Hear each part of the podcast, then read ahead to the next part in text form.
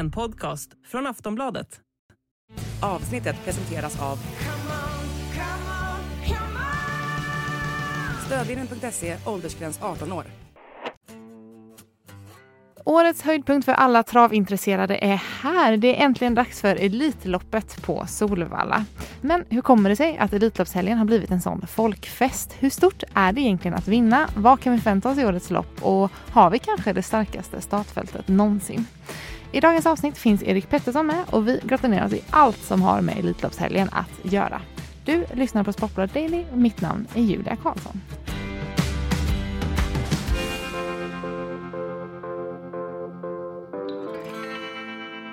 Ja, Erik Pettersson, det är bästa helgen på året som väntar, eller vad säger du?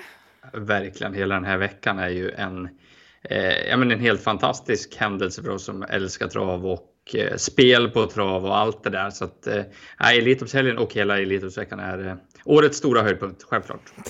Ja, vi kan väl eh, börja med, liksom, för de som, inte, eller de som kanske inte är så insatta, vad, vad är egentligen Elitloppet? Ja, det är ju en komplex fråga. Elitloppet är ju mer än bara det loppet som går på söndag. Det är ju det största loppet och Elitloppet på söndag. Men det är ju hela helgen egentligen som har blivit Elitloppshelgen. Det är ju en stor, stor travfest i dagarna tre kan man säga. Eh, mestadels lördag och söndag, men det börjar redan på på fredagen på Solvalla där många kommer och reser in till Stockholm och går ut och ser tävlingar på lunchtravet då på, på fredag. Och sen är det V75-finaler på lördag med Sweden Cup då, som är lilla Elitloppet. Vi även har Hanovers lopp som ett långt lopp. Och, äh, det är ju stor folkfest även på lördagen. Och sen är det då söndagen, eh, ja men det är ju klon då med, med Elitloppet, försöken och final och så körs det även V75 då på söndagen. Så det är tre dagar stor travfest helt enkelt och det kommer väl mellan 40 och 50 000 personer totalt till Solvalla under de här tre dagarna. Hur har det, liksom, hur har det blivit till ett sånt, eh, ett sånt liksom, fenomen, får man nästan kalla det ändå? Ja, ja men det, det, är ju ett fenomen. Det är ju det är så extremt mycket folk som kommer och det är ju väldigt djupt rotat egentligen bland många svenskar. Travet och spel på hästar och det har ju varit eh, otroligt mycket folk bara på en vanlig tävlingsdag på Solvalla eh, för många år sedan. Det var ju tusentals bara en vanlig dag. Eh, så när världens bästa hästar och kuskar då kom till Stockholm och Solvalla så vart det ju ännu mer. Folk vallfärdade ju från hela landet för att komma och kolla på, på trav och det här har ju hållit i sig lite grann. Nu är det ju en sviktande publiktrend i Sverige på trav, men Elitloppet som sådant evenemang har ju liksom alltid stått sig starkt. Det är någon slags ja, men någon slags hemvändarhelg. Man kommer från hela landet. Man kanske bara träffas den här helgen. Det blir en extrem eh, hype kring, kring Solvalla och vissa platser på, på Solvalla också. Det är ju det är vissa som tältar utanför Sovalla då från, från lördag till söndag, även från fredag till lördag för att få de här bästa platserna då på, på en uteläktare som är, kallas E-läktaren då, som är en uteläktare mitt på upploppet. Och, ja, men man tältar fast då första kön får springa och få de där platserna och när det blir sån hype kring kring platser och det är så mycket folk så blir ju folk intresserade och det är ju något som man verkligen måste uppleva för att, ja, för att förstå egentligen. Mm. Ja, man brukar ju se ändå det på, eh, på tv när de liksom släpper, kör i själva insläppet och alla springer runt i sina rosa hattar eller vad det är och springer in snabbt. Ja, det kan ju se galet ut för, för, en, för en utomstående, men det är ju verkligen en stor grej och en del av arrangemanget. Nu har ju eh, Solvalla och TV kablat ut det här eh, inspringet ganska många år, så det är väl många som har sett det. Men det är, ja, men det är ju hardcore-fansen som ska in och ha sina bästa platser där. Och sen finns det ju massa olika ställen att vara på på Solvalla. Så har vi ju lyxrestaurangen Kongressen, där är det väl lite mer ja, storspelare och hästägare, kändisar, eh, Thomas Brolin, Peter Forsberg, mycket hockeyproffs och fotbollsspelare och andra som gillar trav eh, möts ju där. Så att, ja, man kan stöta på vad som helst på Solvalla den här helgen faktiskt. Jag måste ju snänga in den här frågan innan vi går vidare också. Jag såg att Rebecca och Fiona släppte en låt till årets lopp. Vad, kan du berätta lite mer? Ja, det, det är ju sjukt. Jag, jag, har ju inte jättemycket info mer än att det var ett pressmeddelande som skickades. Men det är ju rätt kul. Alltså, den är ju, eh, alltså, de är ju stora på riktigt och de ska gå på Elitloppet nu. Och att de gör låt med lite pulser från V75-spelare och kuskar. Det, ja, det var ju lite kul. Och sjukt. Är det här vanligt? Är det här vanligt liksom? Nej, för guds skull. Det är ju verkligen... Det, nej, men de brukar väl hitta på en sån här grej ibland, ATG, med lite oväntade moves för att få ut Elitloppet och travet till allmänheten.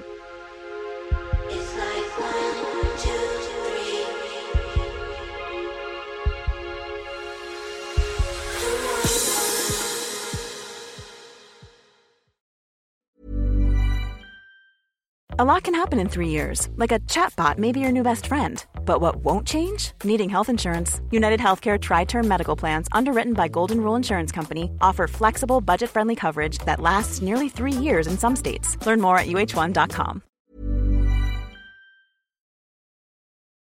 Om man, eh, om man tittar på liksom Elitloppet rent historiskt, då, hur, har det, hur har det sett ut? Alltså hur har det blivit till, till en, ett, en helhelgs folkfest?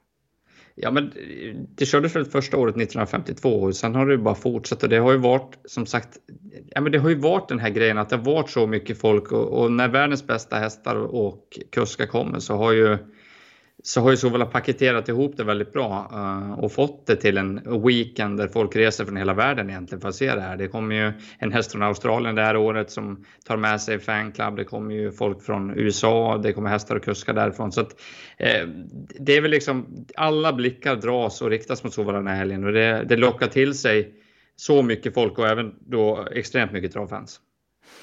Hur, eh, som kusk, liksom, hur stort är det att, eh, alltså för det första, bara få vara med i Elitloppet? Ja, men det är ju det är sjukligt stort. Det, det, märker man ju på alla man, man pratar med. Även de som är rutinerade och garvade i gamet tycker att det är, man ska vara med i Elitloppet. Annars, eh, annars är man ingen, höll jag på att säga. Men det är ju riktigt stort och speciellt för svenskarna så är det ju det största man kan vara med om. Är det så? Det är, det, är det liksom det största man kan vinna också? Som svensk är det ju det. Sen självklart, jag tror inte det är någon svensk som säger något annat lopp. Sen, sen finns det andra lopp i världen som är stora. Prix d'Amérique i Frankrike då som körs eh, sista helgen i januari varje år är väl eh, fransmännens eh, stora mål egentligen. Men det finns ju även andra fransmän som har sagt att ja, men Prix d'Amérique är stort men Elitloppet är ännu större. Så det, det är väl lite, det, där kan väl meningarna gå isär lite grann. Men det är väl det mest penningstinna sulkeloppet vi har. Det är 5 miljoner kronor till vinnaren nu. Och det största sprintloppet och det går ju en engelsk mil 609 meter. Och ja, men för mig då och för oss som bor i Sverige så är Elitloppet absolut det största som finns. Det står sig ändå liksom bra gentemot uh, ute i världen också.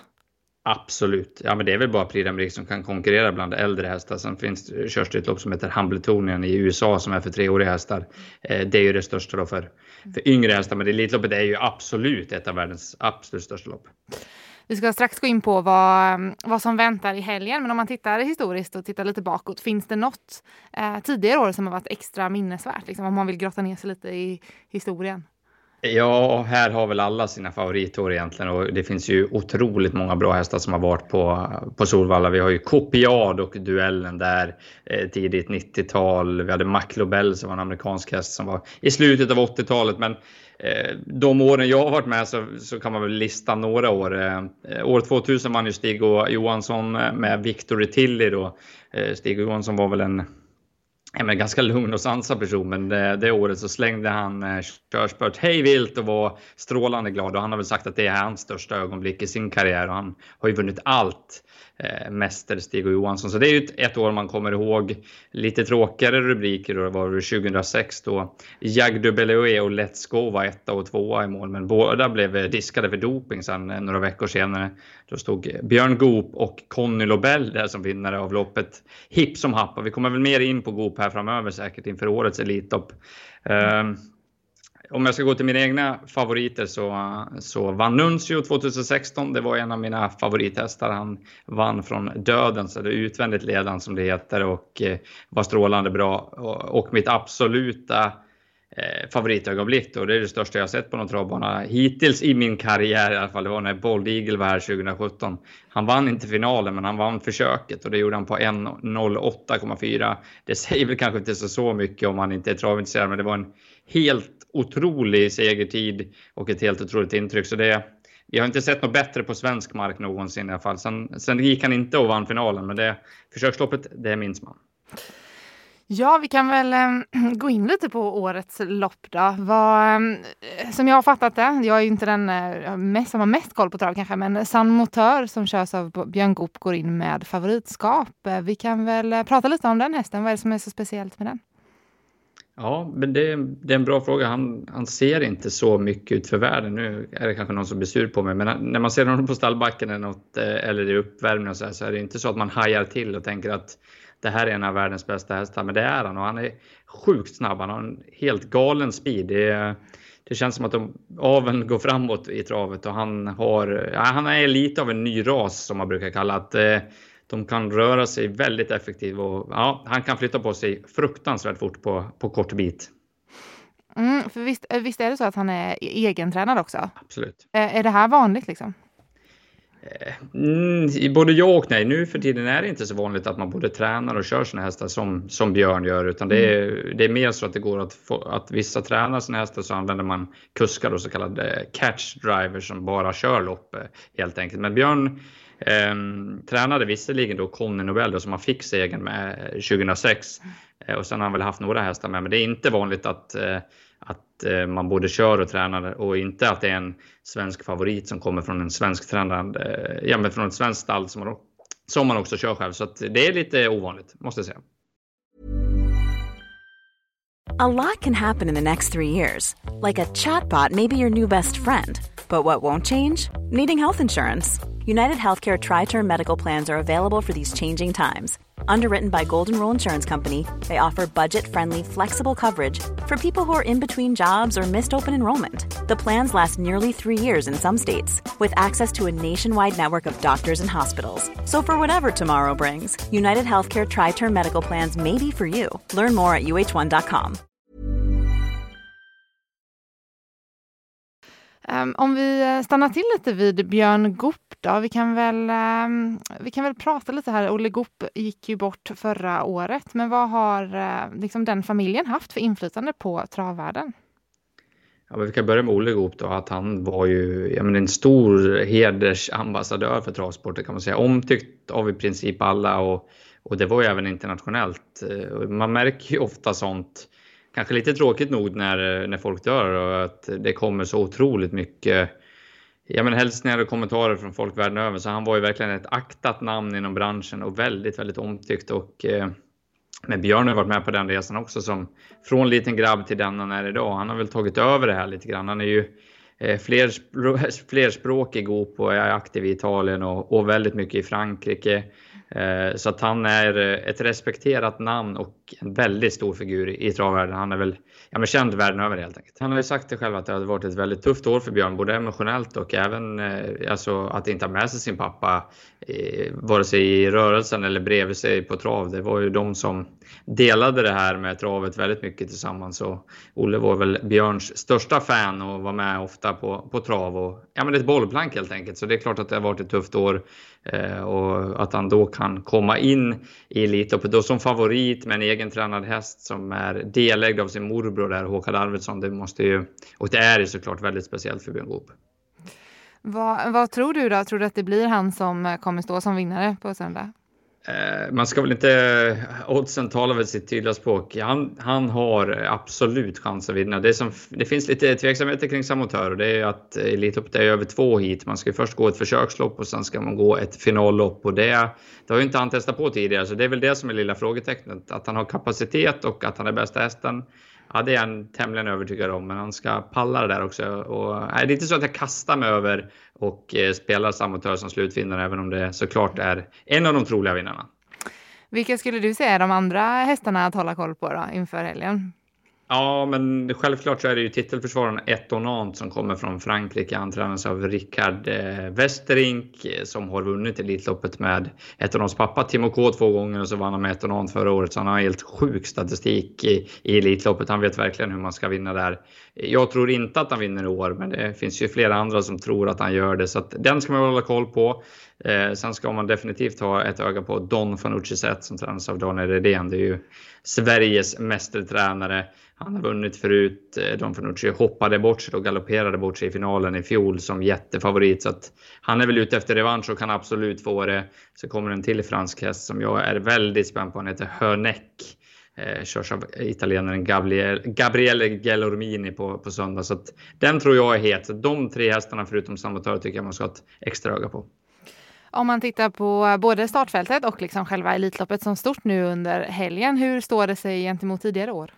Ja, det ser ruggigt bra ut faktiskt. Eh, ja, det kanske är det bästa Elitloppet som jag har sett. I alla fall om man ser till hur jämnt det är. Det är fruktansvärt jämnt. Det är är eh, mer svårtippat än vad det någonsin har varit. I alla fall under mina år inom travet. Det är många bra hästar som möts här så att eh, eh, jämnheten är bättre än någonsin skulle jag vilja säga. Sen kanske det saknas någon av de här riktiga superstjärnorna, kanske någon från USA och sen har vi ju även i Sverige då hästar som Francesco Zetto som har radat segrar och även den Calgary Games. De saknas ju. Hade de varit med så hade det ju definitivt varit det bästa någonsin. Vad, du, ska, du ska dit i helgen eller? Ja, det var en eh, dum fråga. ja, men det blir det. Jag är nog på plats för fredag, lördag, söndag och det blir ganska mycket jobb också. Så det, är inte, det är inte så mycket eh, roa sig för mig, men det är otroligt kul att vara, vara nära de aktiva och djuren den här helgen. Vad, vad ser du mest fram emot nu då, under helgen som kommer?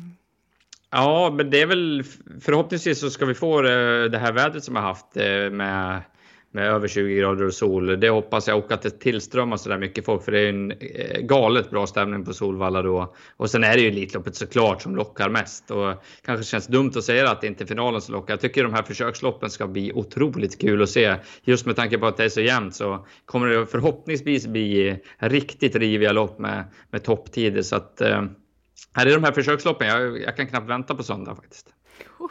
Ja, det ska bli riktigt spännande att se. Eh, tack så jättemycket Erik för att du ville vara med och snacka Elitloppet i dagens avsnitt av Sportbladet Daily. Tack själva. Åk ut till Solvalla om ni kan.